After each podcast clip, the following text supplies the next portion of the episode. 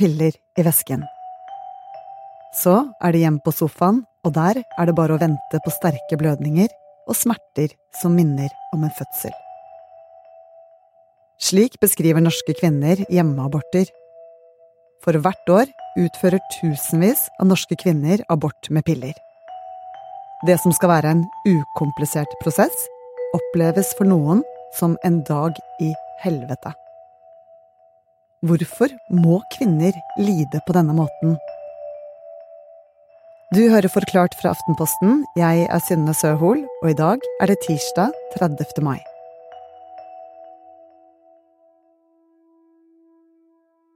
Det er ca. 10 000 kvinner hvert år som velger å gjennomgå en selvbestemt abort, og over 90% av disse kvinnene de får utført en abort ved hjelp av medikamenter. Og disse kvinnene, som vår helsejournalist Tine Dommerud snakker om, er kvinner som har deltatt i en nylig publisert undersøkelse. Der har 24 kvinner blitt grundig intervjuet om sine aborterfaringer.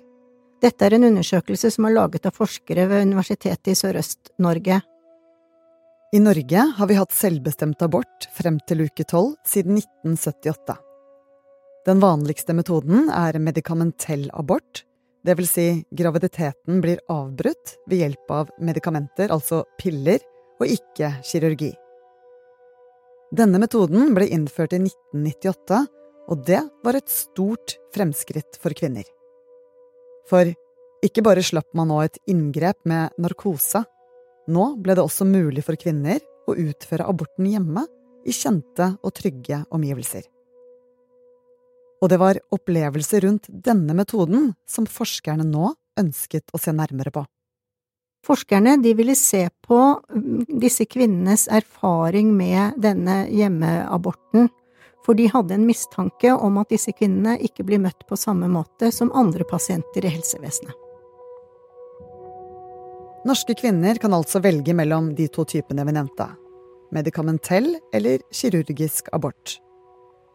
Den kirurgiske metoden den utføres i narkose, og legen gjør en utskrapning gjennom livmorhalsen via skjeden. Og med den andre metoden, med piller, så kan kvinnen velge om hun vil gjennomføre dette på sykehus eller hjemme. Og selve aborten med medikamenter, det starter med at kvinnen får en pille som gjør at graviditeten stanser opp. Og så drar hun hjem og kan i utgangspunktet leve så normalt som mulig. I denne perioden kan det hende at hun blir litt kvalm eller får litt vondt i magen. Noen opplever å blø, og noen opplever å blø litt mer. Etter to døgn skal hun ta nye piller, og legges enten under tungen eller i skjeden. Og dette legemiddelet gjør at livmoren trekker seg sammen. Og de aller fleste, fra 95 til 98% vil da abortere i løpet av noen timer, vanligvis fire til seks timer. Og da støtes fosteret ut. Selve aborten er da forbundet med blødning, altså kvinnen begynner å blø, og for noen er det som første dags mens, og for noen er det sterkere og med mye mer blødning. Og Tine, hva forteller denne studien om kvinnenes opplevelse med hjemmeabort? De 24 kvinnene de fortalte at eh, smertene kan oppleves som veldig intense, voldsomme og skremmende. Og mange av kvinnene opplevde at det var mye vondere enn å ha vanlig mens. Og noen som hadde født før, de sammenlignet det nesten med fødselssmerter. I studien er det flere som beskriver smerten som et ekstrem eller som en dag i helvete, og at smerten ofte var ledsaget av kvalme og en sånn generell sykdomsfølelse som kunne vare timevis og for enkelte over døgn. Da jeg skrev saken, så snakket jeg med kvinner som hadde gjennomført tilsvarende abort, og en av dem fortalte om veldig store smerter som gjorde henne satte henne helt ut i flere dager. Men det er ikke bare dette som kom frem i studien. En av forskerne bak eh, studien fortalte meg at da de satt og leste svarene fra kvinnene, så ble de så overrasket at de var nødt til å legge fra seg dokumentene innimellom, for det kvinnene fortalte, tok nærmest pusten fra forskerne.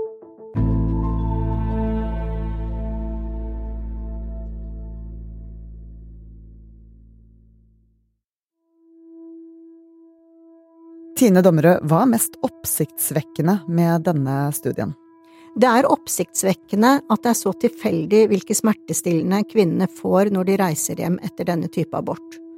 Veldig mange oppga at de bare ble sendt hjem med Paracet, og at de fikk beskjed om å ta kontakt hvis det blør mye eller gjør veldig vondt. Men det er ikke like lett å vite hvor mye skal jeg blø for at jeg blør for mye, og hvor vondt er egentlig vondt. En ung jente jeg snakket med, fikk så lite smertestillende med seg at hun måtte få sterkere medisiner av en venn. Så i tillegg til mangelfull smertelindring, så forteller kvinnene om skamfølelse, om å bli møtt med dømmende holdninger på sykehuset. Det er tankevekkende at så mange av de 24 deltakerne i studien fortalte om skyld og skam etter å ha dratt hjem når de har tatt den første pillen. Noen kvinner ble møtt med kommentarer som vet du ikke hvordan man blir gravid, og en annen forteller om at hun opplevde en fordømmende stillhet. Noen forteller at de ble møtt med en dømmende holdning på sykehuset, selv om de skulle gjennom noe som er helt lovlig, så opplevde de det som skambelagt. En annen sa at det var ikke noen som var ufine, men jeg opplevde heller ikke at noen ga meg noe ekstra for at jeg skulle føle meg litt bedre men det er vanskelig å si om det var måten hun møtte meg på, eller om det bare var mine egne tanker om skam. Det samme intervjuobjektet sier det at hun følte selv at hun fortjente egentlig ikke noe omsorg.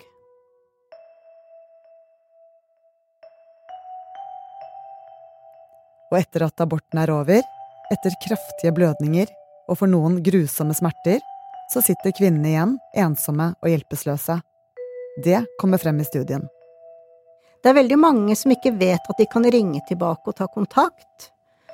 Som jeg sa i sted, mange føler også en engstelse, og det kan også gjøre at de egentlig ikke tør nesten å ta kontakt med helsevesenet igjen.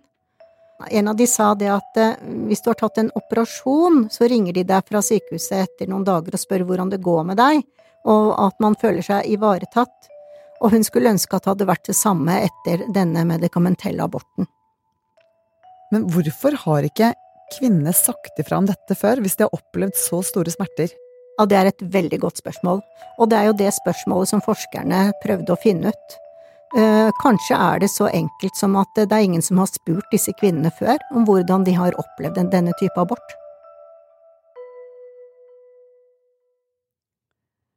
Men undersøkelsen har også fått kritikk.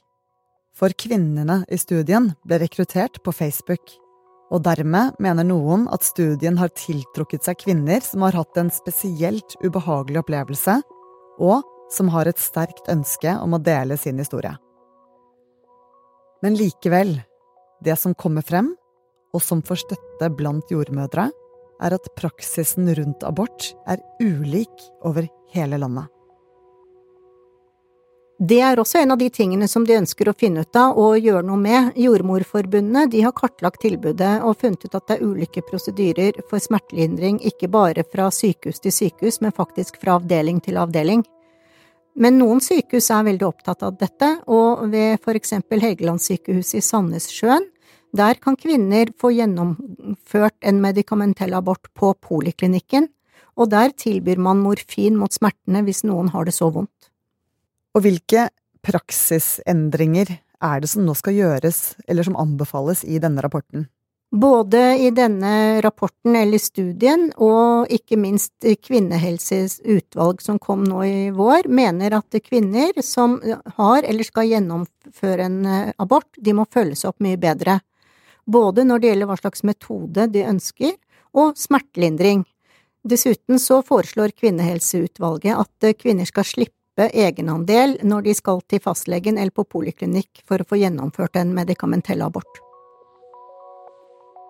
Funnene fra denne undersøkelsen er så overraskende at de nå skal gå i gang med større studier. Forskerne går nå videre med nye studier for å se på konsekvensene og hvordan kvinner har hatt det etter et abortinngrep. Og frem til det skjer, så er det viktig å huske på at hjemmeabort med piller er et trygt alternativ for kvinner. Og Tine, hva bør kvinner som skal gjennomføre en abort, forberede seg på når de møter helsevesenet? De kan vite at de inntil i uke tolv selv kan velge hva slags type abort de ønsker. De aller fleste ønsker jo medikamentell abort fordi den er enklere å gjennomføre, og det er jo egentlig et medisinsk fremskritt med denne type abort. Kvinnene skal også vite at de skal ikke trenge å ha vondt, de kan be om smertestillende.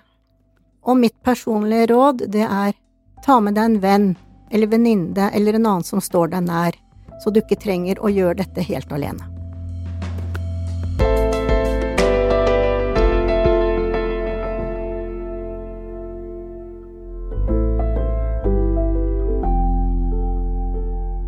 Du har hørt en podkast fra Aftenposten. Det var Tine Donnerød som forklarte deg utfordringene mange opplever med hjemmeaborter. Denne episoden er laget av produsent Fride Nesten Onsdag og meg, Synne Søhol. Resten av Forklart er Olav Eggesvik, Philip A. Johannesborg, Jenny Førland og Anders Weberg.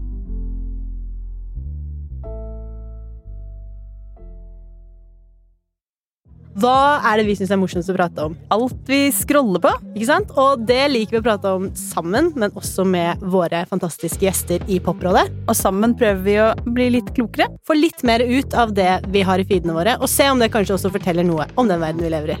Hør på Poprådet Hver tirsdag i Podme eller i Aftenposten-appen.